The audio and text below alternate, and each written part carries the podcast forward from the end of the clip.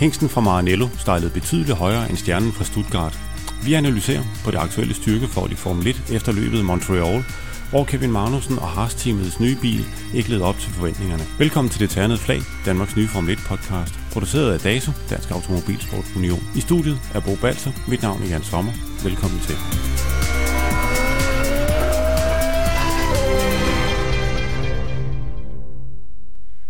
Ferrari er tilbage i front. Sebastian Vettel og Ferrari de stod øverst, da Formel 1-løbet i Montreal blev fladet af en omgang for tidligt.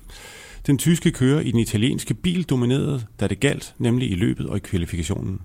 Og med sejren bragte Sebastian Vettel sig i spidsen for VM med 121 point, et point foran Lewis Hamilton i Mercedes. Og Bo, den sejr, den kunne der vel ikke rigtig pilles ved? Nej, altså ikke da man først havde fået overstået fredagens øh, træning, fordi den var problemfyldt for, øh, for Ej og, og for Fettel. Der havde de ikke rigtig styr på ret meget. Men som han selv var ude at sige bagefter, at, at de fik tænkt godt og grundigt over det hen over øh, natten der, og så var der altså styr på det fra det øjeblik, kvalifikationen gik i gang til de, de vandt. Og selvom løbet ikke var blevet fløjet eller vinket af i en omgang for tidligt, så havde de vundet klart alligevel. Ikke? Øh, og det var ganske emotionelt for Ferrari i virkeligheden, ikke? fordi det er lige præcis 40 år siden, at uh, Gilles Villeneuve vandt uh, for Ferrari på, lige netop på den her bane. Uh, første gang, den blev brugt til Grand Prix. Uh, og det var jo også uh, Sebastian Vettels uh, VM-sejr nummer 50. Uh, så så det mm. var, der var en masse rundtal der. Ja. Uh, plus, uh, meget vigtigt, at uh, momentum synes at være på Ferrari's side lige i øjeblikket. Ja, de ser ret stærke ud i øjeblikket. Er det, er det Ferrari, der er stærk, eller er det Mercedes, der, der bliver sværere? Altså Toto Wolff har jo i hvert fald været ude i dag og sige, nu må vi altså stramme os an, øh, og det, det var så henvendt til, til hans egne folk. Ikke? Fordi, jeg til at sige, han, han rasler virkelig med sablerne. Ja. Altså, det, nu må det, hvad er det, han har været ude at sige i dag? Han har været ude og sige, at øh, nu må holdet simpelthen vågne op. Ja. Og øh, han har også antydet, at der kommer til at ske ændringer i organisationen det er ikke sådan, vi har hørt øh, Østrigeren. Øh, Nej, altså de plejer, de plejer at holde sig noget internt øh, i Mercedes. Det, det er klart, der har der, der tit været interne diskussioner osv., men så lang tid man vinder, så er det jo altid nemmere at, at blive enige om et eller andet. Ikke? Men, Svært, men, svært at diskutere med en vinder. ja, øh, og jeg må indrømme, jeg troede efter Spaniens Grand Prix, som jo blev totalt domineret af Mercedes og Hamilton, at øh, nu, nu var vi tilbage til, hvor de har været de sidste par år. Øh, men, men det er ligesom ændret sig. Men jeg har en lille mistanke om, at det måske skyldes de to baner, vi har kørt på siden. Øh, Mercedes er jo øh, det eneste af de tre tophold, som har valgt at bibeholde en bil med lang øh, hjulafstand, eller bil... Øh, akselafstand. Akselafstand, ja. Øh, Red Bull har hele tiden haft en med kortere, øh, og Ferrari er gået over på den øh, vogn her i år, og det var det, der hedder high rake, altså hvor bilen har en, en, øh, er løftet højere øh, bagved, end den er foran. Øh, og det er i teorien øh, nogle biler, der er lidt hurtigere til, til retningsskift. Altså, det er det, du har haft øh, brug for både i Monaco og her i Montreal. Hvorimod øh, Mercedes-bilen med lidt længere hjulafstand, jamen den er, den er i hvert fald i teorien bedre i hurtige og, og mellemhurtige sving. Ikke? Så jeg tror, at, at, at vi, har ikke, vi skal ikke lægge for meget i den her øh, Ferrari-dominans den her weekend. Jeg vil hellere se dem øh, på et par almindelige baner øh, de næste par gange, før vi ligesom ser, hvem har overhånden her. Ikke? Okay, så, så, så det er, ikke, det er heller ikke Mercedes, der, der, der ser svage ud. Er det det, du siger? Nej, jeg synes jeg ikke, det gør. Altså, vi skal jo tænke på, at, at, at Bottas blev altså nummer to her i, i uh, Montreal, ikke? Og, og var inden for en sådan rimelig afstand af Fettel det meste af tiden. Ikke? Og det, der var lidt interessant, det var, at han var markant hurtigere end Hamilton. Ja, det er... Uh, og det er jo altså en, en, en bane, som Hamilton han elsker. Han har vundet her seks gange, tror jeg. Mm. Uh, så, så det er jo lidt af en, et chok for ham, tror jeg, at, at han måtte nøjes med en femteplads her. Og, og jeg, jeg tror altså, at han han sparker sig selv lidt for sin kvalifikation, for den kunne godt have været bedre. Øh, og når vi nu igen øh, oplevede et løb, hvor det næsten øh, ikke er nogen øh, deciderede overhalinger, jamen så har de her startplaceringer altså så stor betydning. Men vi bliver lige nødt til at vende tilbage til, til Bottas Hamilton, fordi der er ingen tvivl om, hvem det er, der er stjernen. Ja, altså Hamilton er stjernen, og Bottas er vandbæreren, ikke? Men, men det, vi skal jo huske på, at, at hvis ikke uh, Bottas havde været decideret uheldig uh, i et par løbende her i, i altså, de første... Baku var tyveri ved højlys, Ja, ikke? altså så havde han jo faktisk kunne vinde uh, to løb, og så har han måske været det i spidsen af VM. Uh, uh, han, han kører rigtig godt og stabilt. Han havde den her fejl i, i Australien, hvor han crasher under qualifying, men mm. ellers har han faktisk kørt fejlfrit. Og han kører jo nærmest lige op med Hamilton, med undtagelse i Spanien, hvor han var i særklasse Hamilton. Mm. Øh, og det er sådan lidt med, med Bottas, der, det er sådan en type, man, man har let ved at overse, øh, man er let ved at glemme, at han overhovedet er med, ikke? fordi han, han er ikke særlig sådan flamboyant eller noget. Han går stille med dørene, og sådan typisk finsk og så videre. Det lader han sine teamkammerater om. Det gør han, øh, men lurer mig, om han ikke også, hvis han får lidt vind i sejlen og vinder et par løb, øh, så kan han godt med sig ind i VM-kampen. Jo, men hvad skal der til, for at han lige pludselig vinder et løb? Altså, han, han var jo ikke i nærheden af at kunne... Altså, han var ikke i nærheden af at kunne komme i nærheden af Sebastian Vettel. Nej, men altså på baner, som passer Mercedes bedre. Mm. Øh, og, hvis han, og det har han jo vist et par gange i løbet af i år, som, som du selv var inde på her, ikke? at øh, der kan han jo altså sagtens smashe Hamilton øh, på, på, øh, på en god dag. Ikke? Så, så jeg tror altså, hvis, hvis det klikker for, for Bottas, at han begynder at, at vinde et løb eller to, øh, øh, jamen succes avler succes. Mm. Øh, så lige pludselig er han måske den, øh, den bedste Mercedes-kører. Men det var så, det, det var så hos Mercedes. Øh, det er jo lige så, det er lige så skarpt opdelt hos øh, Ferrari. Sebastian Vettel, han vandt. Ja. Han har også en imponerende statistik. Det har han. Han har kørt 203 Grand Prix. Han har vundet de 50. På, han har vundet de 50, og han har været ja. på podiet i 103 ja. Grand Prix. Ja. Altså det, det, er jo, altså det, det er jo lidt sjovt, fordi det er jo måske øh, mellem Vettel og Hamilton i sidste ende, det kommer til at stå om øh, hvem skal vinde VM i år. Og uanset hvem af de to, der vinder, jamen, så øh, har vinderen fem verdensmesterskabstitler. Mm. Og så er han altså op øh, og ligger nummer tre i statistikkerne gennem tiderne. Ikke? Øh, efter Fangio og, og, og Schumacher. Ikke? Så, så der, det er to giganter, der kæmper mod hinanden her. Og to meget forskellige måder at gøre det på. Det er det. Altså, Louis Hamilton er, er, er rockstjernen, ikke? Som, mm. som elsker at, at blive set med jetsættet og flyver rundt til modeopvisninger, og så siger han, at han vil indspille øh, musik og så videre. Hvorimod Fettel, jamen der er ikke så mange, der ved det, men han er jo gift, eller i hvert fald har en... Det, det en vi ved ikke engang, om han er gift, det er rigtigt, men han har i hvert fald to børn, ja. øh, men som man aldrig ser. Og, og han er væk, øh, så snart løbet er slut, så er han væk, og deltager ikke i sådan nogle ting der, som øh, Hamilton elsker. Hmm. Så de, de kunne dårligt være mere forskellige øh, hmm. uden for banen, de to. Men Fettel bag en racerbil, og altså, der var vel dybest set ikke nogen, der kunne fange ham, da han stak af fra starten af. Altså en Fettel ude foran i en Ferrari, det, altså... Jamen, altså, det var vintage Fettel, ikke? Altså, det var som vi så ham i Red Bull-årene, hvor de havde øh, den bedste bil, og, og, og Fettel, han bare, den passede perfekt til Fettel, og han kørte bare fra, øh, fra alt og alle øh, i de, de år, hvor de var på toppen der, omkring 2012 og 13, ikke? Mm. Øh, det var som at se de gamle dage igen, ikke? Men han kan også nu skal det ikke handle om, hvad jeg synes det her, men, men jeg, jeg synes, han er, han er undervurderet, fordi det er, Altså, det skal, han laver så sjældent fejl. Når han så laver en fejl, så får han sådan en jernblødning, som den i Baku sidste år, hvor ja. han kører ind i Hamilton. Men det er så sjældent, han laver en fejl. Det er det, det er men, men, men altså en gang imellem så... så... med snuden den anden vej rundt, altså, fordi ja. han har han har, han har kørt stærkere, end man egentlig kunne rundt i et sving. Det... Ja, det er sjældent, at han laver kørefejl. Altså, men, men han har jo uh, lidt en historik med at, at, at, at tabe besindelsen en gang mm. imellem, og specielt over for sine holdkammerater. ja. vi kender nogle, vi kan huske med, med Mark Webber, Mark Webber der, der, de faldt jo ud øh, flere gange, hvor de decideret kørt ind i hinanden og så mm. videre. Ikke? Øh, det har han dog ikke gjort med, med Raikkonen, men det er nok lige så meget, fordi han ikke har, har behov for det. Ikke? Fordi han, øh, hos, hos Ferrari er hierarkiet jo fuldstændig fastlagt. Altså, der, det er Vettel, der skal vinde VM, og Raikkonen han skal hjælpe ham med det. Hmm. Det er ikke den anden vej rundt. Øh, og hvis, hvis nogen skal offres under et løb, så bliver det Raikkonen, uanset om han måske ligger bedre til eller ej. Så får han besked på at være vandbærer. Og det ved Raikkonen også godt. Jeg synes godt en gang imellem, man kan se på ham, at det er frustrerende for ham. Men, men når man ser på, på hvordan løbende øh, udspiller sig, det er jo tit, at, at Raikkonen i år har været lige så hurtig som Vettel under kvalifikationen, men han er altid blevet sat på plads mere eller mindre i løbende. Mm. Øh, og så derfor er han jo den perfekte andenkører for Vettel. Mm. Øh, og, og ja, men altså, der er simpelthen ingen tvivl om, at det er Vettel, der skal vinde VM. Øh, Raikkonen skal bare hjælpe ham. Det er 16 timer siden, at supermodellen Winnie Harlow, hun viftede med det tandede flag en omgang for tidligt. Og siden da, der er internettet glødet af kritik af løbet af Montreal. Det var kedeligt, der var ingen overhalinger, der var ingen safety car, og alle biler kørte på samme strategi. Var det et kedeligt løb Bo? Ja, både og. Altså, fordi det, det er klart, hvis man kigger på øh, antallet af overhalinger for eksempel på banen, øh, så var der ikke ret mange. Der har måske været en 4-5 stykker alt i alt, hvis du kigger på hele feltet.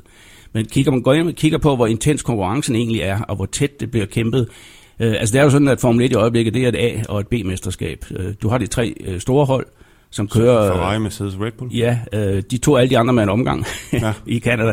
Øh, men imellem de tre hold, der, jamen, det, det var et, et af hver mærke, der kom på podiet, det var et af hver mærke, der holdt på de tre første startpladser, og, og afstanden imellem dem er, er minimal. Altså det er nogle få hundrededele ofte. Ikke? Så altså, man kan jo ikke sige andet, end at konkurrencen er ekstremt øh, øh, tæt der, øh, hvad, hvad det går. Og det hele går så op i et taktisk spil om, hvem der, der bedst formår lige at omsætte øh, farten til øh, holdbarhed og til resultater. Mm. Og det samme kan man sige nede i B-gruppen, øh, hvor at, øh, Haas befinder sig. Jamen det, det er også noget med dagsformen. Altså det, det er simpelthen et, et spørgsmål om lige at ramme det helt rigtigt på det rigtige tidspunkt, specielt i tidshandlingen, fordi den er så afgørende øh, med de her biler. Mm.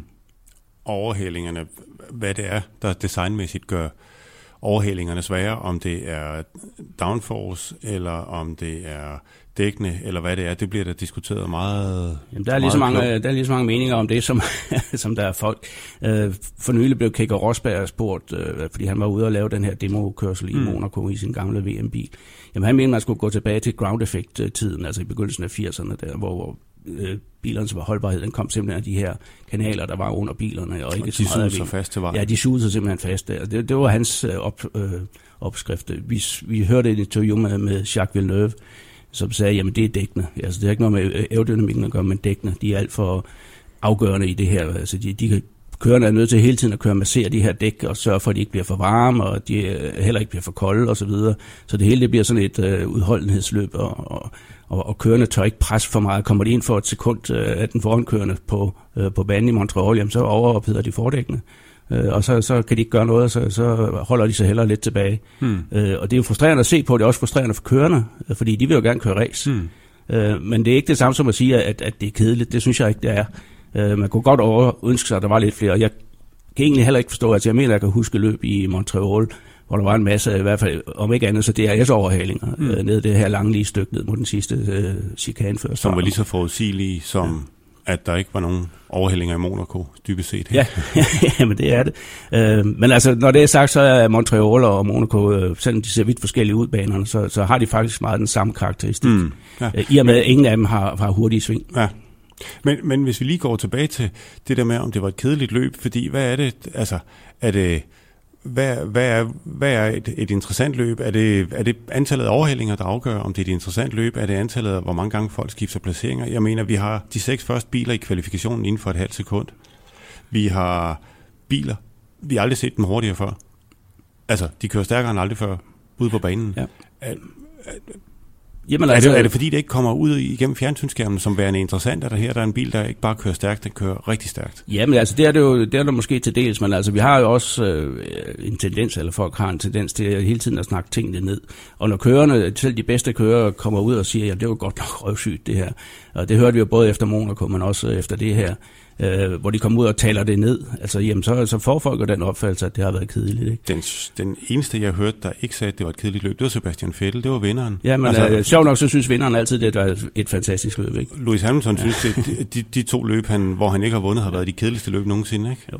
Men altså for at vende tilbage til dit spørgsmål, altså jeg synes jo ikke, at et, et, et løb, øh, om, om det har været godt eller skidt, det, det skal afgøres af, om der har været 20 overhalinger, eller der har været to. For du kan godt, øh, så, der er også en charme ved at have øh, et løb, hvor øh, der ikke er særlig mange overhalinger, men de, de overhalinger der, det er måske en kører, der virkelig har sat det op øh, og forberedt det her, den her overhaling, og så til sidst eksekvere den her overhaling på den mest fantastiske måde. Og du har den ene chance. Og du har og den, ene, den ene chance, chance. Ja. ja. Og det har også en charme, og det, det er også noget af det, man skal, og man skal ikke falde i den anden grøft og sige, jamen, så må vi have tre DRS-zoner, eller, eller det må være endnu nemmere osv., fordi det kan også blive, altså så er det jo forbikørsler, så er det mm. ikke overhalinger.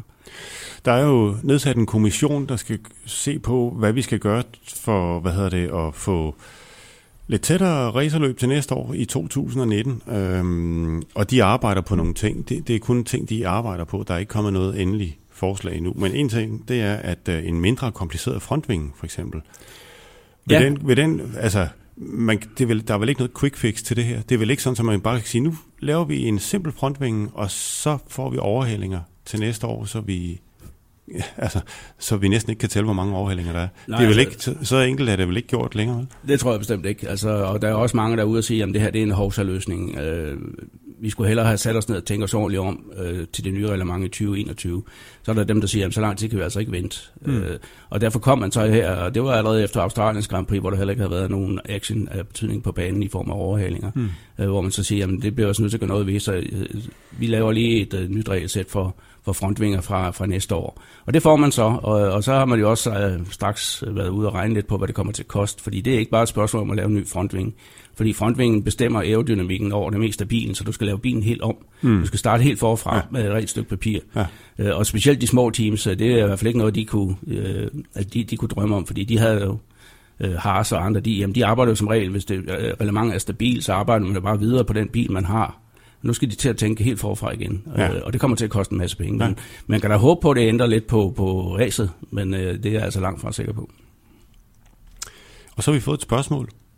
Øhm, jeg skal lige sige, I, skal, I er velkommen til at stille os spørgsmål.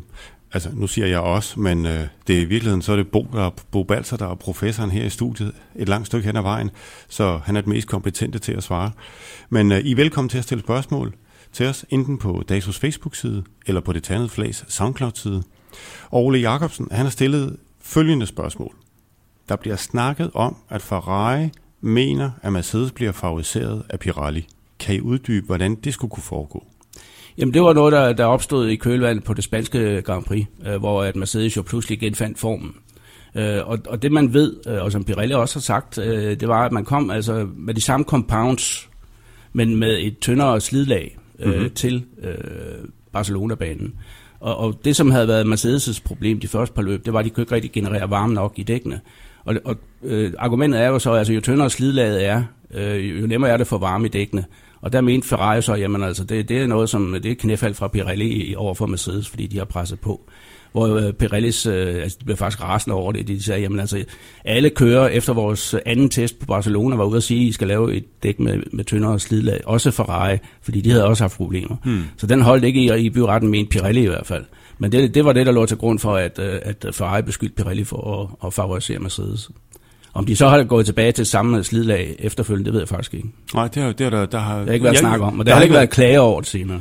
Nej, nej, den døde sjovt nok. Ja. Det, altså, vi Men håber... altså, døden skal jo have en årsag, og altså, på Barcelona-banen, der fik Ferrari jo, jo tæsk, ikke? Altså, ja. så, så, så, det måtte jo have en årsag åbenbart. Vi siger tak til Ole Jacobsen, der har stillet spørgsmålet, og det har han faktisk gjort inde på det Ternede Flags øh, SoundCloud-side.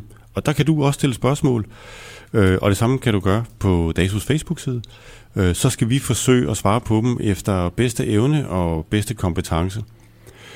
Øhm, og så skal vi lige have skruet de danske briller på en gang. Øh, Haas-teamet, de kom med en næsten ny bil, som de, og vi havde store forhåbninger til. Øh, det virkede ikke helt, eller hvad, Bo? Ja, altså det, det er lidt svært at sige. Altså jeg synes jo egentlig, at, at det virkede jo øh, godt nok i den forstand, at Kevin kvalificerede sig som nummer 11, øh, hvilket jo er midt i feltet, og hmm. han blev slået selvfølgelig af Renault og Force India, men til gengæld var de foran øh, både Sauber og McLaren øh, hmm. og Toro Rosso, ikke? Øh, så, så, så set ud fra det, så var det egentlig godkendt. Hmm. Øh, Kevin havde så bare ikke super godt øh, løb, øh, som øh, især skyldes starten, tror jeg, hvor han tabte nogle placeringer, og det var svært at komme videre. Og hvis man sad og kiggede lidt på hans tider under løbet, jamen, så svingede de også meget. Altså, til tider var han ikke særlig konkurrencedygtig, så lige pludselig, som om han kom ind i vinduet, mm. hvor dækkene fungerede, hvor han pludselig begyndte at køre konkurrencedygtige tider. Mm. og noget af det, jeg ikke helt forstod, det var, at på et tidspunkt, hvor han var inde i en af de gode perioder øh, i løbet, hvor han satte gode konkurrencedygtige tider og lå på nummer 12 eller sådan noget, med, med udsigter til at avancere, jamen der bliver han pludselig hentet ind og, og skiftet. Altså alle teams dernede kørte jo en one-stopper, men det var bare, der var stor forskel på, hvornår man, man valgte øh, at lave det her pitstop, for de her Hypersoft øh, dæk, de var til noget mere holdbare, end man havde troet. Ikke? Jo, Grosjean, han kunne køre, hvad? Grosjean kørte jo... Øh, 47 omgange på dem. Ja, og det er helt vildt, altså, og han tabte jo ikke tider på det, øh, og, og det lykkedes ham jo også at, at leapfrogge, som det hedder, mm. Kevin, øh, på den baggrund. Ja. Øh, men især Grosjean, fordi han havde faktisk øh, kørt rigtig stærkt under øh, træningen. Ja. Øh, havde så det her uheld øh, under kvalifikationen, hvor han, hans bil øh, går i stykker, før han overhovedet kommer i gang. Hmm. Han kunne godt, øh, han havde altså en af de øh, løb, eller en af de dage, hvor han var bedre end Kevin, øh, set udefra i hvert fald, det kan godt være ting og sager. Havde han startet i top 10, så tror jeg også, at de havde sluttet øh, med en point, eller hmm. han havde, ikke? Ja. Øh, og der skulle ikke have gået ret meget anderledes før også, øh, altså før de kunne have været, de blev nummer 12 og 13, ikke? Øh, der var ikke så langt op til pointene. Men det er jo så ufatteligt tæt i det her midterfelt, at, mm. at øh, hvis ikke lige de spiller, hvis du har nogle marginaler imod, og hvis du ikke lige er helt på beatet hele tiden, jamen så kører de andre forbi dig. Ikke? Øh, så, så jeg vil hellere vente til, til, øh, til de kommer ud på de næste baner, som er mere almindelige racerbaner, fordi det har jo også været med ud fra, fra Haas, at, at deres bil, deres forreste, de ligger i de øh, mellem og, og hurtige sving. Øh, dem har vi altså ikke haft nogen af, både i, i Monaco og, og, og Montreal. Det er en helt anden type bane. Ja, fordi jeg skulle til at sige, man kunne altså lidt lidt firkantet sagt, så kunne man drage sammenligningen og sige, at Monaco og Montreal et langt stykke hen ad vejen, der minder de to baner om hinanden, og vi ved jo med sikkerhed, at Haas-bilen fungerede ikke i Monaco, så sandsynligheden for, at den skulle fungere rigtig godt i Montreal, den, er vel, den var vel den var, den var til at overse. Altså, det, det var i hvert fald ikke noget, teamet selv øh, troede, at de skulle sæt, øh, være best of the rest igen. Det, det troede jeg ikke, øh, de troede. Og den anden ting var, altså, de, de kom godt nok med de her opdateringer, og, og begge kører og begge biler fik dem, øh, men, men der var ikke nogen reservedel. Hmm. Øh, og som vi også kunne se, altså, når man ser løb fra Montreal, Basper og Brandon Hartley, der er ikke ret langt ud til øh, barriererne. Og de står tæt. Så, så de havde faktisk fået besked på at køre, lad nu være med at ødelægge noget, fordi vi har ja. altså ikke nogen reservedel. Ja. Og det kan godt have spillet lidt ind også, altså man, man har kørt en lille smule forsigtigt, men, men øh, nej, lad os komme ud på nogle baner med, med nogle hurtige sving og noget, noget, nogle mellemhurtige sving og så videre. Øh, vi kommer jo snart til, til Silverstone, vi kommer til øh, Red Bull Ring og Paul Ricard næste mm. gang, som er et ubekendt faktor. Mm. Den kommer ja, vi også til ja. senere.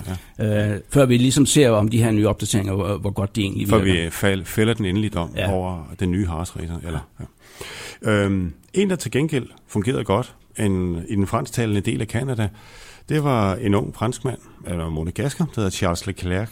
Hvis jeg skulle vælge dagens bedste kører efter løbet i Montreal, så ville det helt sikkert blive ham. Han har kørt syv Formel 1-løb. Han er blevet 6'er i Baku, han blev 10'er i Barcelona, og han blev 10'er igen i går i en Sauber. Han ligger på 14. pladsen i kørendes mesterskab, og har bragt Sauber op på 12 point. I hele sidste sæson, der scorede Sauber blot 5 point. Hvad er det lige, at, øh, hvad er han for en gut, ham der Charles Leclerc, og hvad er det, han kan? Jamen altså, nu har jeg haft den øh, øh, fornøjelse ligesom at kunne følge ham, altså helt ned fra han 12-13 år. Altså vi arbejder jo meget med talentudvikling i mm. go-kart og så videre. Der var det jo oplagt, altså da han kom ind der som junior, der begyndte han allerede at vinde titler øh, i sit første juniorår, og, og blev ved også i, i, i CD-årene, inden han skiftede til bil. Øh, og han, der var altså fra, fra, fra starten var det sådan set klart nok, at her var en, der, der ville kunne nå langt. Altså han har det der udefinerbare øh, star quality over sig. Ikke? Altså, man, man, man kigger på ham, men man ved bare, ham her, han har fået på det, ikke? Mm. og han kører intelligent og samtidig lynhurtigt. Og altså, han er en af de få kører, der har formået at vinde Formel 2-mesterskab i sit første år. Ja, og, øh, og det, det er nemlig meget svært. overbevisende. Ja, øh, det er svært, og det, og det siger jo alt om, om hans kvaliteter. Ja. Og han kom jo ind her, der til at starte med tænkte at han er måske heller ikke så god alligevel, fordi der lå øh, Markus Eriksson faktisk og, og kørte lidt fra ham. Øh, men han brugte de første på løb til ligesom at lige sætte sig ind i, hvad det her for Formel 1 øh, business, mm. hvad er det egentlig for noget. Altså prøve at analysere det og sige, jamen så skal jeg gøre sådan, jeg skal ændre på de her punkter og de her punkter osv. Og så har han altså bare de sidste 3-4 løb sat Marcus Eriksson fuldstændig i skylden. Ikke? trukket bukserne fuldstændig ned på. Øh, og det havde jeg faktisk også forventet, han ville, men man ved det jo aldrig, før man ser det. Men, men han er en, en gut, der kan nå rigtig langt. Altså jeg har hørt, jeg har hørt nogen sige, at han er også, altså han er en intelligent kører. Han har ændret sin kørestil, fordi til testen i Barcelona, som, hvor jeg var nede og fotografere for Ekstrabladet, øh, der havde han det med at snurre rundt. Og det er jo fordi, der havde han sat sin Formel 1-bil, altså Sauber-raceren, op på den samme måde, som han havde sat sin GP2, øh, eller sin Formel 2-racer op. Og det var noget med at have en løs bagende, og det, en løsere bagende, og det du altså bare ikke, åbenbart ikke i Formel 1, men inden han fik inden han, kom, han skulle selv komme til den konklusion, at han skulle lære at stille både bilen og sig selv om til, at nu skal du altså have en, også have en fast bagende, havde han sagt. Og, det er så, og, og det er en fordel, ja. og så er han faktisk begyndt at køre stærkt, så, så han, altså, hans måde at arbejde med tingene på, er det, har det været kendetegnende for ham igennem hans karriere, at han har er han en af dem, der har vundet alt, hvad han har deltaget i op i juniorkarrieren? Jamen, igennem det har, juniorkarrieren? Det har han jo. Altså, han har vundet både GP3-mesterskabet og Formel 2-mesterskabet. Og, og som du selv siger, og som vi var inde på tidligere, han skulle lige, øh, han skulle lige øh, omsætte det her øh, skifter fra Formel 2 til øh, Formel 1 øh, i sit hoved mm. øh, og ændre sin kørestil. Og det var blandt andet noget, altså et andet stort talent, som Stoffel van Dorn har fået skudt i skoene, at det har han ikke formået. Han bliver ved med at køre, eller gjorde han i hvert fald øh, i lang tid hos McLaren, at køre Formel 1-bil, som han havde kørt sin GP2-bil. Mm. Øh, og det kan man ikke, for det er to forskellige typer biler, og de køres på forskellige måder. Ikke? Mm. Og det, der så kendetegner en, en stor kører fra en god kører, det er, at man er i stand til selv at analysere sig frem til det der. Ja. Med hjælp fra gode øh, ingeniører osv. Han har Frederik Vassøre inde i, øh, i, som teamchef hos Sauber, og han er en rigtig dygtig øh, person til at udvikle talenter. Hvad så? Han er jo kendt som talentudvikleren ja. over dem alle. Ikke? Så, altså. så han sidder der et godt sted, hvad det angår også. Og, og jo mere succes han får, jo mere selvtillid får han selvfølgelig, og jo bedre bliver han bare.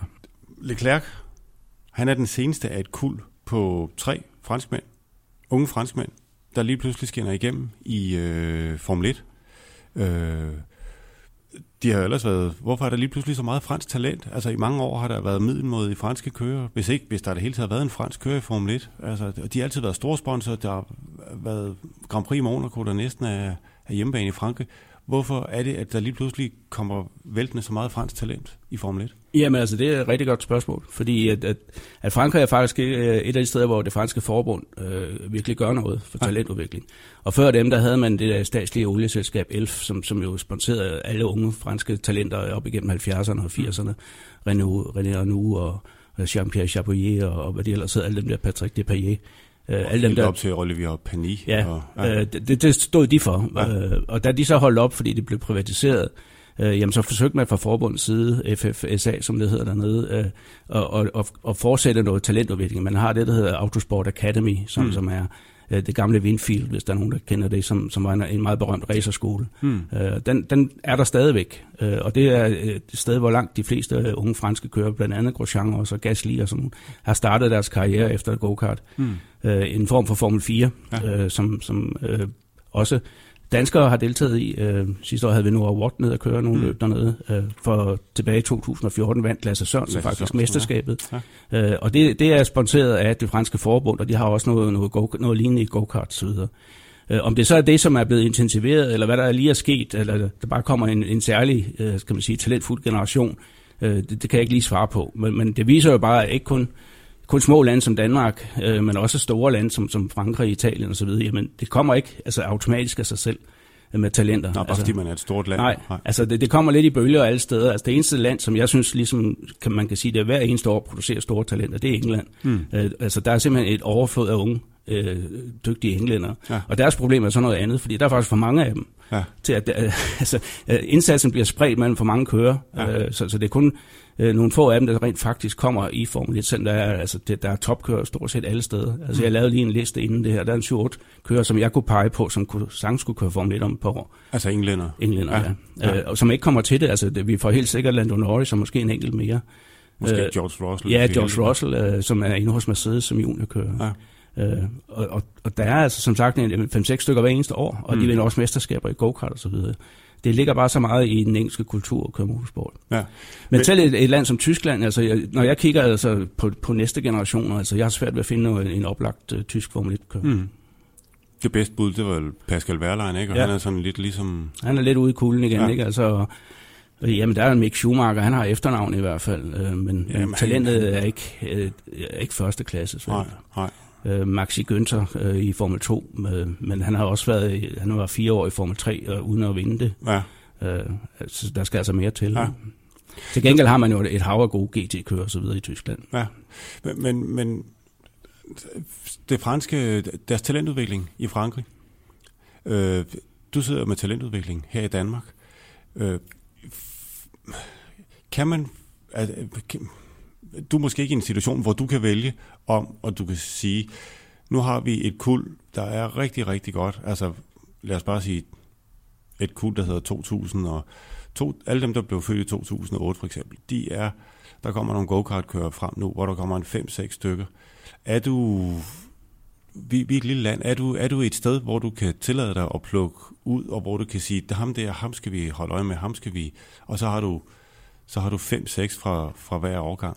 Nej, det, det har vi ikke. Altså, der er altid selvfølgelig fra en overgang et eller to. Det, med det, det der med, at de ikke kommer i klumper, lige pludselig kommer der tre franskmænd. Ja. Så det, man kan vel ikke vælge sådan, som man siger, nu skal Nej, vi have en fra... Det kan vi ikke. Altså, vi, vi må se, hvad der kommer. Altså, og, og det er forskelligt uh, fra, fra generation til generation. Ikke? Mm. Lige i øjeblikket har vi jo selvfølgelig et af måske det største talent, jeg har set uh, i min tid i DASO, nemlig Christian Lundgaard. Mm. Uh, men, men der kan godt gå 10 år imellem. Altså hvis man kigger lidt tilbage på, på danske Formel 1-kører, øh, jamen så er der cirka en hver 10 år. Ja. og, og, og, og vi de sidste 15 år, eller sådan der har vi haft omkring 100 unge talenter igennem ja. vores talentskole, som vi laver sammen med Team Danmark. Ja. Øh, jeg tror, der er fem af dem, der lever af det i dag. Den, ja. den ene, det er Kevin Magnussen. Ikke? Altså, så, så svært er det. Ja. Øh, omvendt er det nemt på den måde, at man kan sige, at hvis ikke kørerne slår igennem som 15-16 år og viser et usædvanligt talent, jamen, så kommer de ikke videre, fordi at, at, at, øh, så koster det så mange penge. Vi kan ikke hjælpe dem, og de kan heller ikke selv skaffe dem. Hmm. Så det er, det er dernede omkring 14, 15, 16 års alderen, at vi sætter ind i vores talentarbejde sammen med, med Team Danmark. Fordi at, at kan vi hjælpe de bedste i den overgang til at blive så dygtige, at der er nogle andre, der får øje på dem, øh, for eksempel Renault Academy, øh, jamen så har vi gjort vores mission, så kan vi ikke gøre mere for dem. Mm. Øh, anden moral støtte selvfølgelig. Vi, vi kan også prøve, altså et af formålene for eksempel af Frederik Vest i år, det er at forsøge at få ham gjort interessant, for eksempel for Red Bulls øh, juniorprogram, eller et andet mm. juniorprogram. Fordi det er hans chance for at komme videre ja. efter, efter i år. Ikke? Ja. Øh, så, så det er vores mission, det er der, hvor vi arbejder, det er før de bliver kendt. Mm. Det eneste, der kender de her unge gokkerkører, det er deres familie og sådan nogle få. Og det vil altså sige, de... Ja. Altså. Og, og det, er der, vi, det er der, vi ser vores mission. Ja. Øh, det er det, vi kan gøre en forskel med de midler, vi har. Ja. Vi har så øh, i år, øh, eller sidste efterår, fået etableret det, vi kalder Racing for Danmark, som er en form for overbygning, ja. øh, som blandt andet øh, giver økonomi til øh, Christian Lundgaard og Frederik Vesti, ekstra økonomi i forhold til det, vi har i forvejen. Ja. Øh, og det er sådan nogle ting, tiltag, vi arbejder med for at, at, se, om ikke vi kan hjælpe de bedste talenter et skridt videre. Vi kan vi vil aldrig kunne øh, i dag så føre en, en racerkører til Formel 1, Nej. men vi kan, vi kan give ham en god start på livet og, og, og sørge for, at de bliver ordentligt uddannet, ordentligt klædt på. Hmm. Men jeg tænker på, at det, har de noget lignende i Frankrig, siden de lige pludselig har afledt sådan tre, øh, inden, for, inden for tre år, så har de afledt tre helt dygt, meget, meget dygtige til, og, og talentfulde kører frem, øh, efter i 20 år dybest set ikke har haft nogen ja, sådan altså, nævneværdige Formel 1-kører. Altså, foruden det, jeg nævnte før, så ved jeg, at de har noget, der hedder L'Equipe Française, altså det franske, det franske. Hold, ja. ja. Og de får jo økonomisk støtte, ved jeg, fra forbundet individuelt. Okay. Altså udover at man har de her, øh, den her racerskole der, der hedder Autosport Academy, som, ja. som er en form for Formel 4. Ikke? Ja. Øh, så de gør noget. Hvad de gør helt konkret, det ved jeg ikke. Men, men jeg ved i hvert fald, at der er ikke særlig mange lande, der har den, øh, det setup, som vi har herhjemme. Mm. Det er mere på individuel basis, og, og også inden for andre sportsgren. Og så skal også sige, at, at det vi laver, det her nævner her, det, det er kun inden for go-kart og, og asfaltsport det er der, hvor vi har vores samarbejde med Team Danmark. Så prøver DASO selv at lave noget talentudvikling øh, med mellemrum inden for offroad-sporten og inden for rallysporten. Men det er, det er ikke øh, på programmet hos Team Danmark. Okay. Så det er der noget, vi laver selv. Ja. Øh, så det bliver i sagens natur mere begrænset. Ja. Banker Charles Leclerc på til et Ferrari-sæde allerede til næste år? Ja, det siger man jo. Altså, han er jo medlem af det, der hedder Ferrari Driver Academy. Ja, altså, de har jo en lille gruppe. Ja. Øh, men det betyder som, ikke så meget i, i altså det, det er mere noget, man kan skrive på sit CV. Det er ikke rigtigt. Det er ikke, det er ikke et juniorprogram som for eksempel Renault, mm. men, men det siger alligevel noget, at Ferrari vil lægge navn til det. Mm. Øh, jeg tror personligt ikke på, at han ryger ind hos Ferrari allerede næste år. Øh, jeg tror, de vil se ham et år mere i for eksempel i en Sauber. Øh, og så kunne man godt forestille sig, at man øh, rationel, eller tænker sådan hos, hos Ferrari, jamen altså lad, lad os beholde øh, Vettel og Raikkonen et år mere, og så er Leclerc klar. Hmm. Så dropper vi alle de andre, vi dropper Raikkonen, vi, vi dropper øh, Grosjean og hvem der ellers er, er blevet nævnt i den sammenhæng. og hvem der ellers. Ja. ja. Øh, så så det, kunne, det kunne meget vel blive øh, løsningen, hvis, hvis øh, Leclerc fortsætter på den her måde. Men altså, nu kører Charles Leclerc, han kører jo i Sauber-teamet, Øh, og der sidder Markus Eriksson over fra Sverige, også i Sauber-teamet, og Markus Eriksson har altid været sådan lidt undervurderet, men han har taget livet af Philip Nassar, øh, hvis man kan sige det sådan, øh, i hvert fald færdiggjort hans Formel 1-karriere. Det samme har han gjort med Pascal Wehrlein, som er blevet udråbt som den næste tysk, tyske messias, da han kom ind i Formel 1. Lige pludselig så, altså, en, et halvt sekund, fra mellem de to Sauberbiler, hvor jeg, over, i, over i Canada i kvalifikationen, hvor, hvor Eriksson er efter. Hvad, hvad det klare ja, i gang med at, at, at tage karrieren og, og slutte karrieren for Marcus Eriksson? Men, men for at være 100% ærlig omkring Marcus Eriksson, han er kun i Formel 1 på grund af sine svenske backers. Han har øh, en meget, meget, skal man sige, åben tegnebog med hjem fra, fra Sverige, som jo i øvrigt også er en gruppe, der, har, øh, der har, ejer en del af Sauber-teamet. Mm, ja. Så det, han er svært at komme af med, kan man sige på den måde. Ikke? Men altså, hvis, hvis Ferrari gør alvor af, at man vil, eller Fiat-koncernen, at man vil for alvor have Alfa Romeo-navnet ind i Formel 1, og man så køber de her, den her investeringsgruppe ud, mm. så er Markus Eriksen også historie. Ja. Øh, han er der kun på grund af det. Ja. Han er en udmærket kører, men han har ikke, han har ikke øh, format til at nå længere, end han er nu. At, at de 14 point, Sauberholdet har scoret i år indtil nu, der har Markus Eriksson scoret et enkelt eller to, jeg kan ikke huske. Ja, jeg tror, han, han, to, ja. han blev ni i, ja. i Bahrain, ja. Han har scoret to point, og de resterende, det er faktisk øh, det, det er Charles Leclerc, der har scoret. Ja, altså, og man kunne jo også se det i kvalifikationen, at Eriksson er presset, for han rammer muren øh, i, sit, i, Q, i Q1, ikke? Mm. Altså, fordi han presser simpelthen bilen så meget for at, at forsøge at, at hænge med Leclerc, mm. øh, hvilket han ikke kan. Ja. Og han kommer ikke til det resten af året, det tror jeg ikke på. Men hvad... Nu er vi sådan set allerede inde i nogle af de her ændringer, der, altså med, med kører, der skal til at skifte positioner og, og det ene og det andet. Der kan vi lige så godt starte, hvis nu, hvis nu altså, er der nogen, har Sauber nogen øh, aftager? Har, har Ferrari nogen juniorkører stående? Ja, altså, hvis, hvis det jo, de kommer af med Marcus Eriksson. de har jo Giovanazzi, men jeg ved ikke, hvor langt han efterhånden er, er, er væk fra Formel 1, øh, fordi han, han fik jo chancen nogle gange sidste år, som ja. vi ved, både hos Haas, men også hos Sauber, hvis nok, som, som fredagstester, og han smadrer ja, bilen hver gang. Ja, han øh, kørte også uh, vintertest ja, på Sauber. Men han, men han er højt vurderet, men, men jeg tror, at tiden er, er løbet fra Giovanazzi, og nu starter han på Le Mans næste weekend. Ja. Det kan godt være en, en uh, vink med en om, at uh, det kan han godt glemme det her. Ja. De har en, en ung italiener, der hedder uh, som, som kører i, i Formel 2 også, som også gør det glimrende og har gjort det godt i GP3, men som, som jeg ikke ser som noget stort navn. Mm. Altså nej, det er lidt klærk, det drejer sig om ja. hos Ferrari. Okay. Og hvis vi skal fortsætte den her kørekabal, uh, silly season, hvis vi skal tage lidt hul på den. Øhm, det var tidligt. Ja, nå, ja, men, men, altså, men, den er men, men der, gang. Ja, ja, der er fuld gang, ja, ja. og der kommer til at ske rigtig mange store ting. Jeg spørge Brendan Hartley om det. Ja, fordi det, jamen så lad os, nu, er, nu har du selv nævnt Brendan Hartley. Øh, der blev, han måtte læse øh, i fredag formiddag i medierne, at øh, hans hold havde sagt nej tak til at køre med, hvad hedder det, Lando Norris. Øhm, det er jeg sikker på, at Brendan Hartley var ganske glimrende tilfreds med, men er han en af dem, der sidder yderst?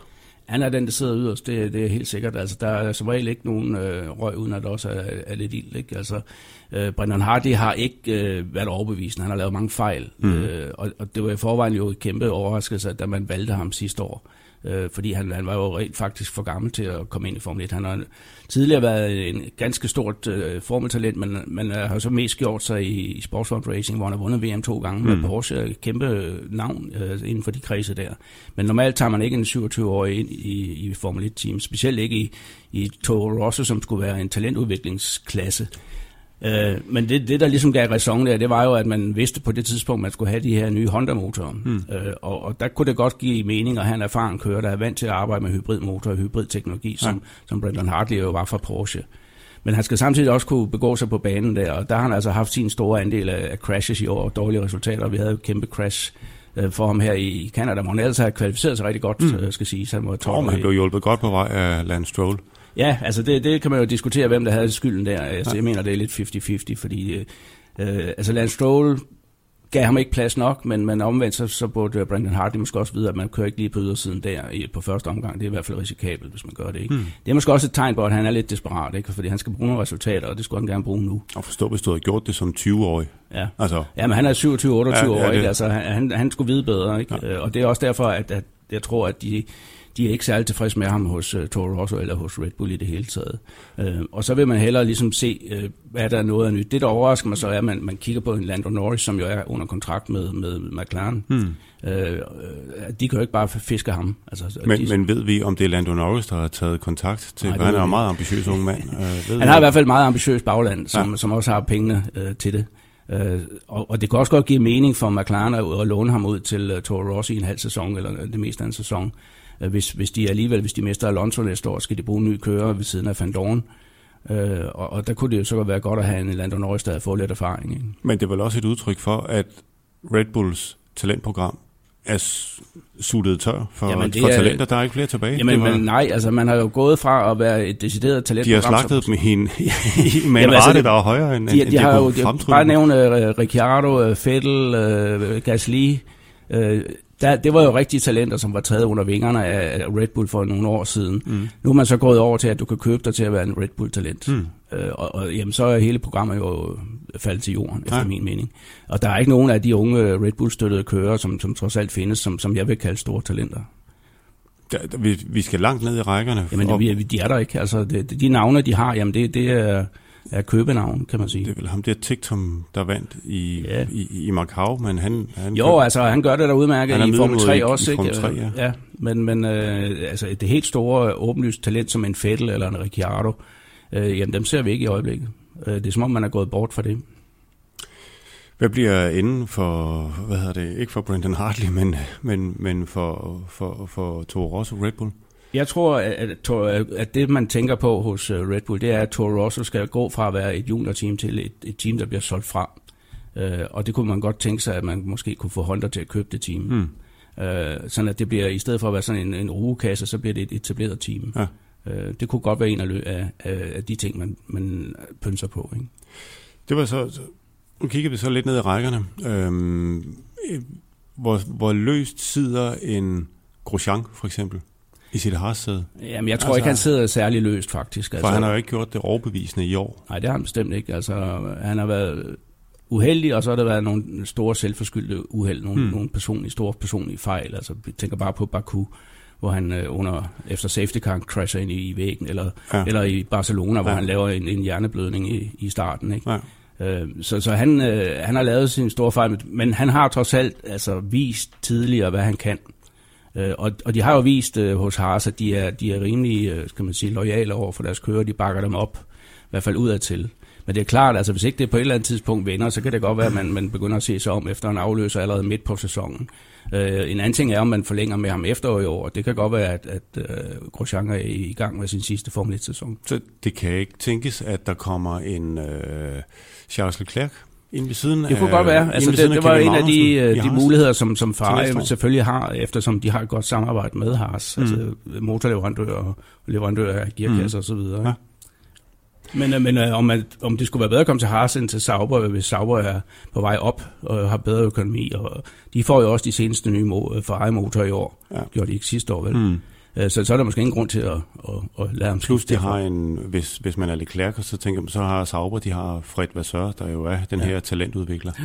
Altså jeg tror mere Haas uh, kigger lidt, hvis de skal til at finde noget nyt og spændende, altså måske kigger lidt på nogle amerikanske kører, mm-hmm. eftersom det nu er det amerikanske, og de har været under lidt pres uh, i USA, den amerikanske motorsportspresse, hvorfor man ikke prøver at kigge på nogle unge amerikanske kører, hvor svaret det så var, jamen der er ikke nogen. og det blev de ikke særlig populære på i IndyCar-kredse i hvert fald. Øh, og det er altså også, altså jeg mener om det er svært for mig at se, hvem det skulle være.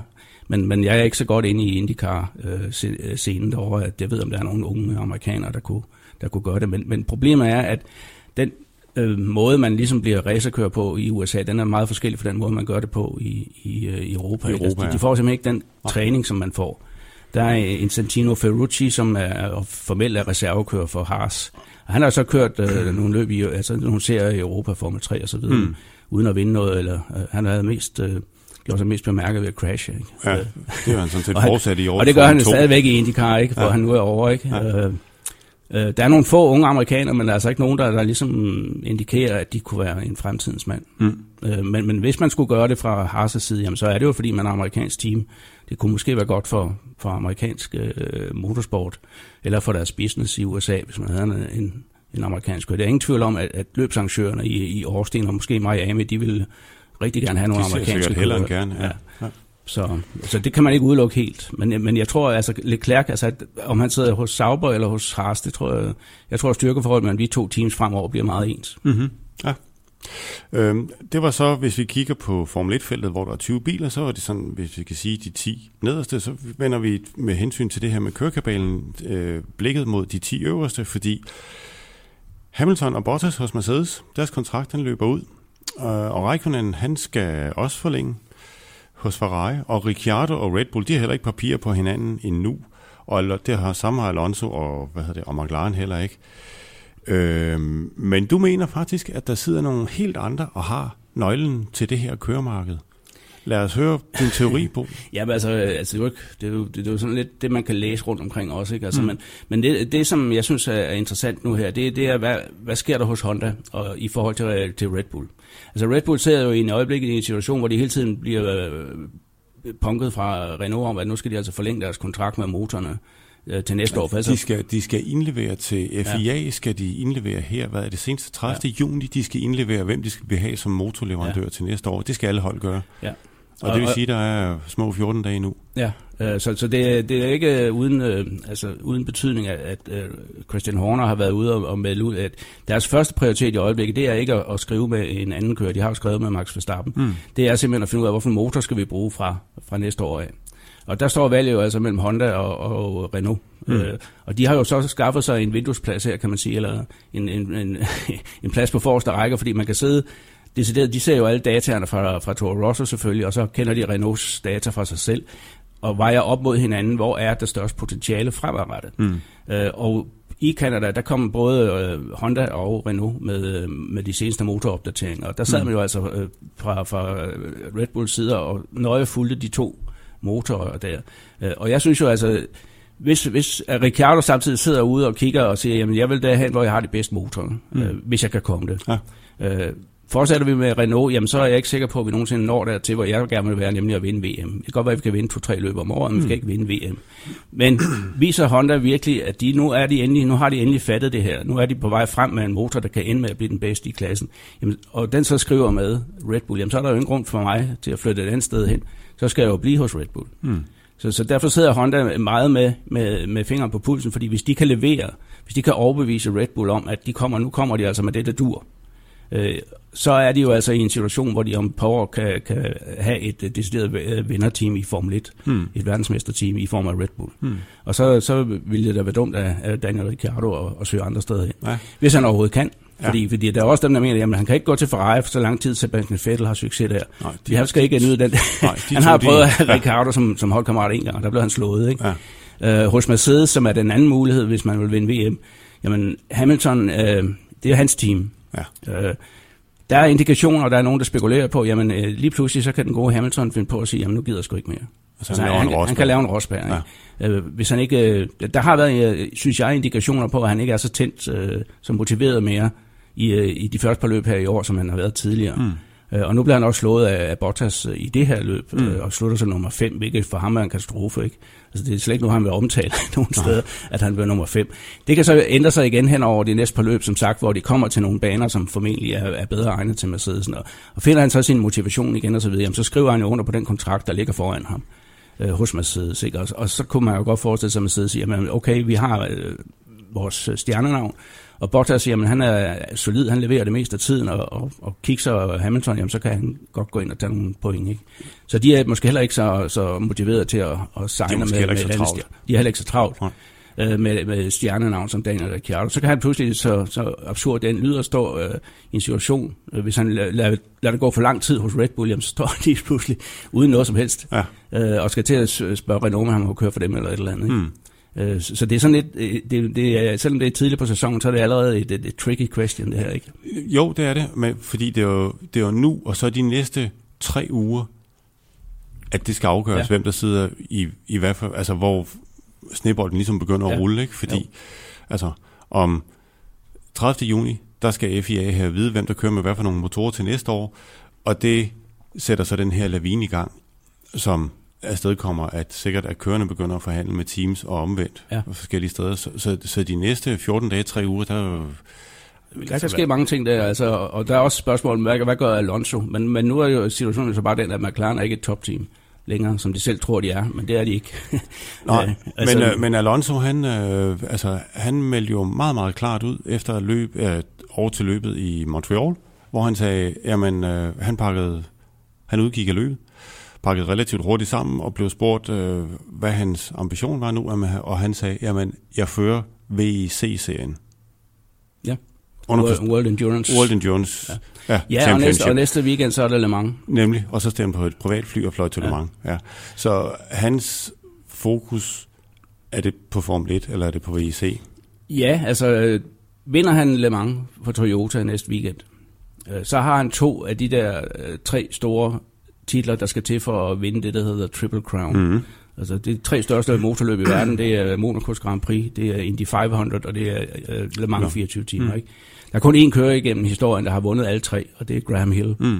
uh, som så i øvrigt også var verdensmester to gange i Formel 1. Men, men vinder Alonso på Le Mans uh, med Toyota næste weekend, så har han to af de tre. Han har, mm. været, han har jo vundet Monaco's Grand Prix. Øh, og så er der jo dem, der mener, jamen så vil han gå all in for at vinde den sidste af dem også, uh, Indy 500, og det vil næsten kræve, at han kører en hel sæson i IndyCar, ikke bare et enkelt løb, som han gjorde sidste år. Og der var jo en speciel gæst hos McLaren i uh, Montreal. Han hedder Michael Andretti. Ja. Han har et IndyCar-team, ja. hvor Alonso han uh, kørte Indy 500-løbet sidste, sidste år. år ja. Ja. Og han sjovt nok gæst. Og der er så nogen, der har spekuleret i allerede i, om de var i gang med at forhandle et eller andet. Det kan, det kan man aldrig vide. Altså, det, det, som man kan sige omkring øh, VEC, altså VM i langdistansløb, som øh, Alonso kører sideløbende med Formel 1 i år, det er, at der er ikke nogen clashes.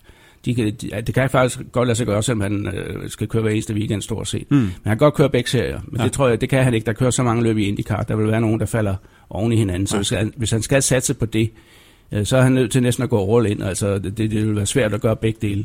Omvendt så er McLaren altså mere eller mindre desperat. De vil gøre stort set hvad som helst for at holde på Alonso. Øh, fordi øh, han er den eneste, der ligesom peger den rigtige retning i, i hele det der setup, de har. Ja. Øh, han leverer varen hver gang, uanset om man kan lide ham eller ej, så gør han det. Altså, mm. Vi så det også her i Montreal, hvor han fra en håbløs startplacering var oppe i pointen efter to omgange. Ikke? Nej, han gør ting han, han, gør bare, som... han, gør, han gør bare det, øh, som ingen andre kan.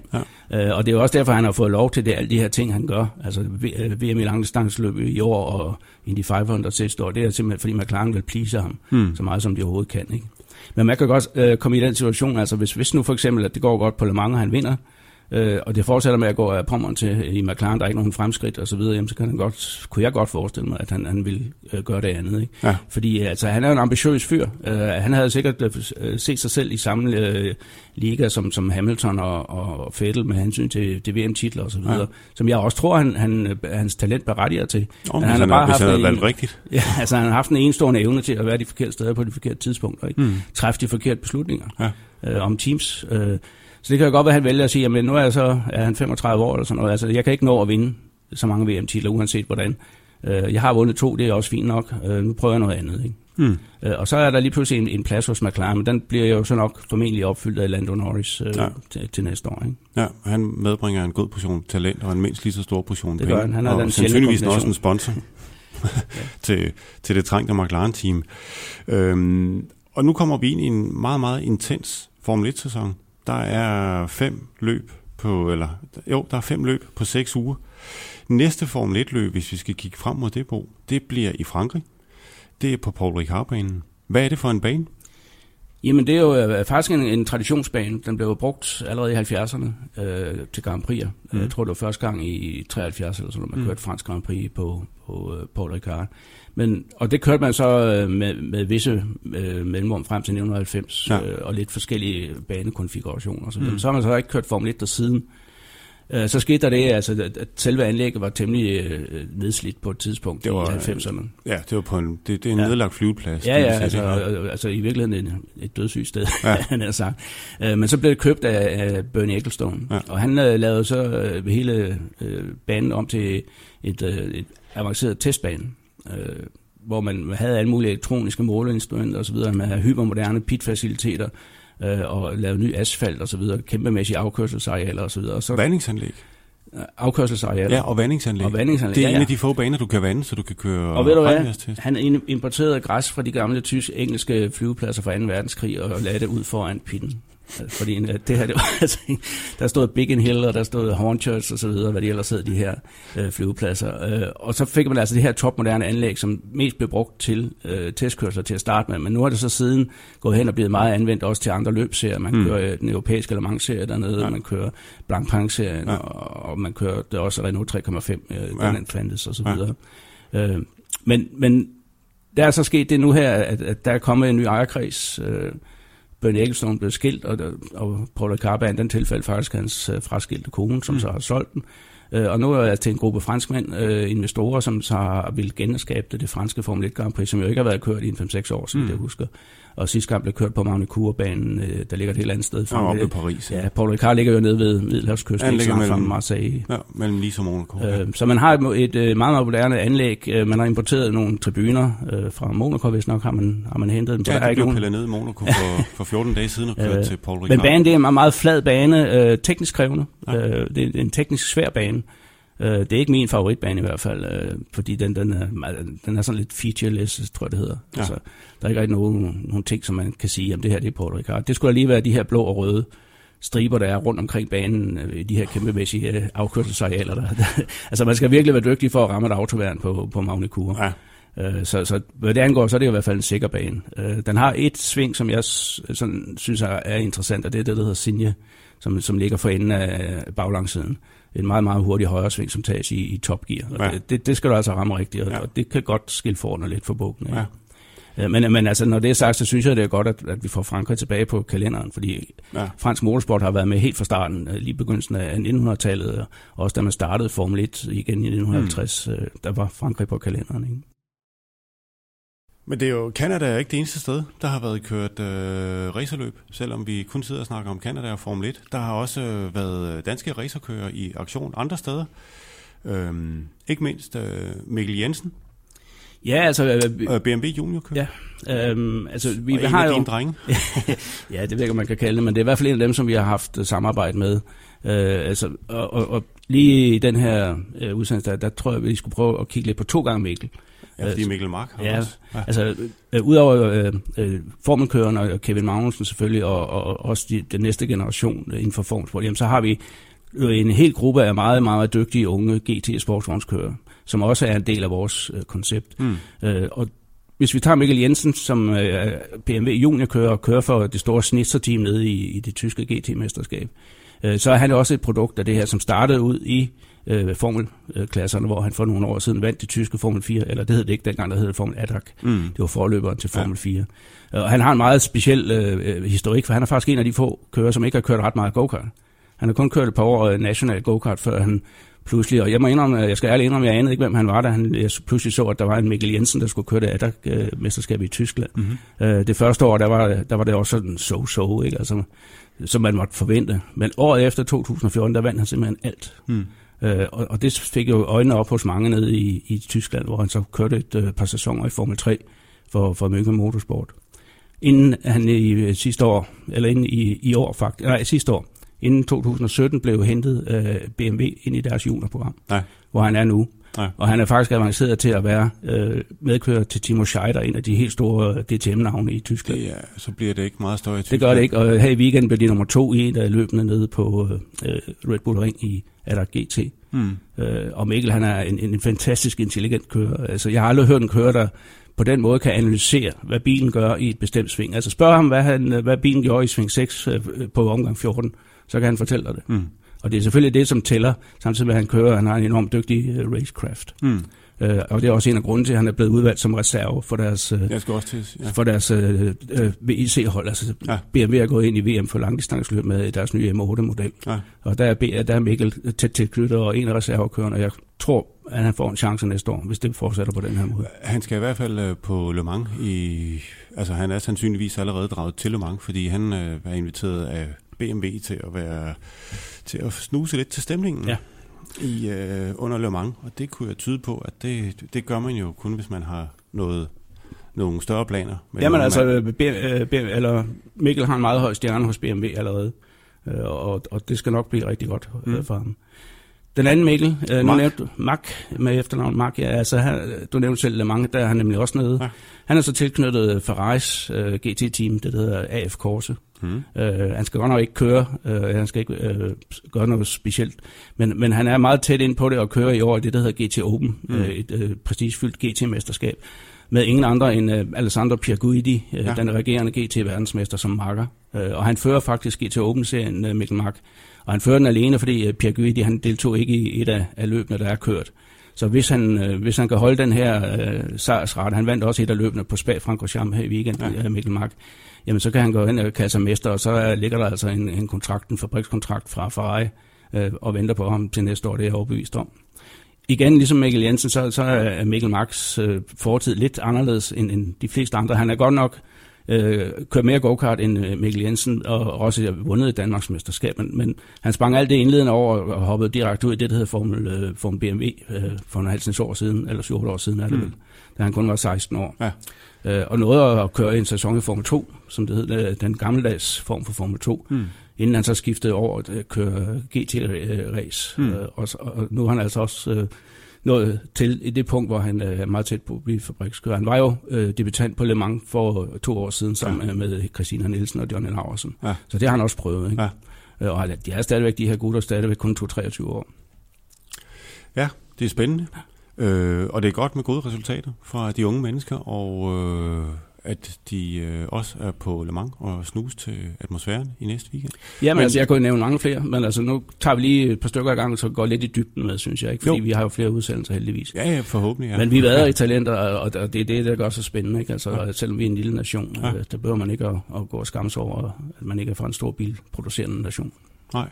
Øh, der har også været kørt anden dansk motorsport. Du har været det eneste sted, det regnede i Danmark i weekenden, Ja. så fortalte du mig. Jamen, øh, Du har været på Ring Djursland. hvis man skulle have lidt, øh, lidt regn i, ja, så skulle man tage til Djursland, hvor der jo både var, var DM-afdeling i, øh, i rally om, øh, om fredagen i Kolin, øh, for øvrigt med en, en meget spændende grusprøve, øh, noget der er lidt af et særsyn i, i dansk rally. Øh, og der, der var, tror, der var nogen og, og 60 teams til start, men der var kun 34, der kom ind, så der har været, der har været gang i den. Okay. Så, øh, så, Høj, så, høj frafaldsrate. Ja, men det er der jo tit i rally, Ja. øh, fordi der bliver gået til den, og der er ligesom ikke rigtig nogen afkørelsesarealer. Øh, men det var så et, et, et, et erfarent hold, øh, som øh, i form af Ib Krav og Freddy Pedersen, som gik hen og vandt generalklassementet. Mm. Øh, foran Rasmus Sørensen og Heidi Knudsen, og så på tredjepladsen øh, Roland Poulsen, øh, Christian Poulsens øh, bror, ja. øh, og Ole Frederiksen. Ja. Øh, men det var et, et spændende tiltag, øh, som Randers Automobilsport stod for, øh, som, som og jeg tror faktisk ikke rigtigt, at man har kørt øh, de prøver der før. Det, det er tit et problem i dansk rally, det er, at man kommer ud og kører de samme prøver igen og igen, og igen fordi der er ikke så mange at vælge Der er ikke så meget, der er ikke så meget vej at vælge imellem. Øh, så, så det var nogle spændende og godt tiltag af Randers Autosport her. Mm. Øh, og så kunne man jo så blive i, i, øh, på Djursland, der er jo skønt, øh, og så øh, om søndagen gå ud og se på Djursland, øh, den tredje afdeling af Dansk Touring Car, eller Thundercar Championship, mm. hedder det DTC. Øh, og så fjerde afdeling af, af det nye Formel 4 Formel mesterskab. 4, Øh, og det var så, som du siger, den eneste, stat, øh, det eneste sted i landet, der stort set regnede. Og det har nok ikke været, men, men det har i hvert fald ikke været, og det regnede faktisk Men søndag. regnet gjorde det i hvert fald. Ja. ja. Øh, Form 4, øh, spændende nyt, og vi har fået et rigtig godt felt, og, og, og der bliver kørt tre løb hver gang. Og, og det, som, er- som er rigtig spændende ud af de øh, 12 løb, der er kørt, nu har der faktisk været fem forskellige vindere. Hmm. Øh, og der kom et, et par nye vinder øh, den her gang. Øh, så, så det er altså en klasse, som, som virkelig har- er ved at bide sig fast som erstatning for den gamle Formel Ford-klasse, Mm. som, som jo har givet os så mange gode talenter igennem tiderne, men som tiden var løbet fra. Men også en spændende klasse Formel 4, fordi at alle bilerne i princippet er en stammer fra samme leverandør.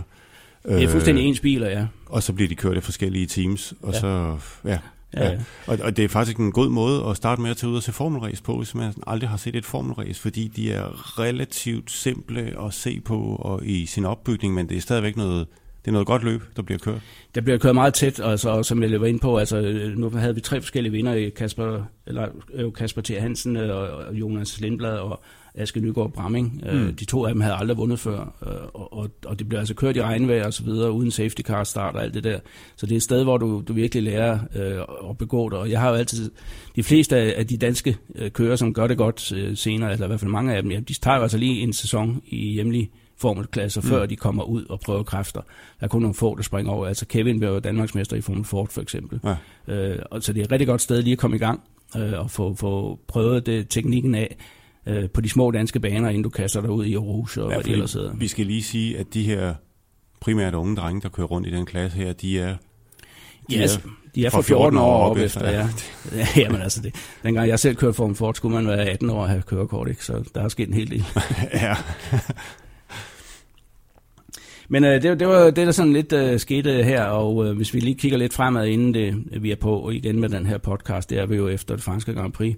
Hmm. Øh, ja, næste weekend, der sker der ikke så meget, fordi det største danske motorløb øh, om året, det foregår jo Nede i øh, Frankrig. 1500 km herfra, hvor, hvor der plejer at være 20.000 danskere eller deromkring, ja. øh, og det er jo selvfølgelig Le Mans. Øh, og der, der er hele interessen, den er, den er rettet derimod, Mm. mm. øh, så, så, så der sker ikke så meget herhjemme øh, næste weekend. Mm. Mm. Men næste weekend igen, så er vi så øh, oppe i, i omdrejninger igen, og der er blandt andet et stort øh, offroad-løb på Nysombanen, hvor du kan opleve rallycrossbiler og, og, og de, spe, de helt specielle crosskart, Mm. som, som er meget øh, underholdende at se det. Ja. Det foregår altså på Nysombanen der den, den 24. 23. 24. Ja. Så har vi en afdeling af det danske go-kart-mesterskab, Dansk Superkart øh, i Thy, Ja. ja. øh, som også er ved at besøge. Øh, plus at der også er et asfaltbaneløb nede i Padborg Park, øh, endurance-løb. Mm-hmm. Så, men, Så der er ingen undskyldning for ikke at tage ud og se noget racerløb? det er der ikke, og man kan jo altid gå ind på vores øh, hjemmeside og, og finde kalenderen og se, hvad der sker den her weekend. Det er Ja. faktisk utroligt, hvor meget der, der sker hver eneste weekend. Ja. Ja. Det passer ikke, at man ikke kan lave motorsport i Danmark. Det kan man godt. Ja. Og det var, hvad vi havde valgt at fokusere på den her gang. Næste gang, der er nyt her på kanalen, det har Bo afsløret. Det er mandag den 25. juni, efter det franske Formel 1 Grand Prix på Paul Ricard. Du kan få det ternede flag direkte ind på din smartphone ved at abonnere i iTunes, i SoundCloud, SoundCloud eller der, hvor du nu ellers henter din podcast. Hvis det lyder umuligt, så kig forbi DASUS hjemmeside, hvor der ligger instruktioner og links. Og så skal vi på det skamligste gøre opmærksom på vores Le Mans specialudgave, som du også kan ly- hente eller lytte til her på kanalen. Der kan du høre interview med Jan Magnussen og med Christina Nielsen, øh, og lidt om deres tanker op til løbet i år. Vi vil rigtig gerne fortsætte med at lave det ternede flag, og til det der har vi brug for din hjælp. Vi bliver nemlig mere attraktive for vores fremtidige samarbejdspartnere, hvis du går ind på iTunes eller i SoundCloud og giver os fem stjerner. Vi ved godt, det er irriterende, og det stjæler 30 sekunder af din tid og giver os fem stjerner, men det vil være en kæmpe hjælp for os, når vi skal ud og gøre os til for kommende sponsorer. Så over på iTunes, abonner på det ternede flag og giv os fem stjerner og en kommentar. Tak. Det ternede flag, Danmarks nye Formel 1 podcast er produceret af DASO, Dansk Automobilsportsunion. Musikken er mixet af Morten Remer. Mit navn er Jan Sommer. Vi er tilbage 25. juli. Tak for nu.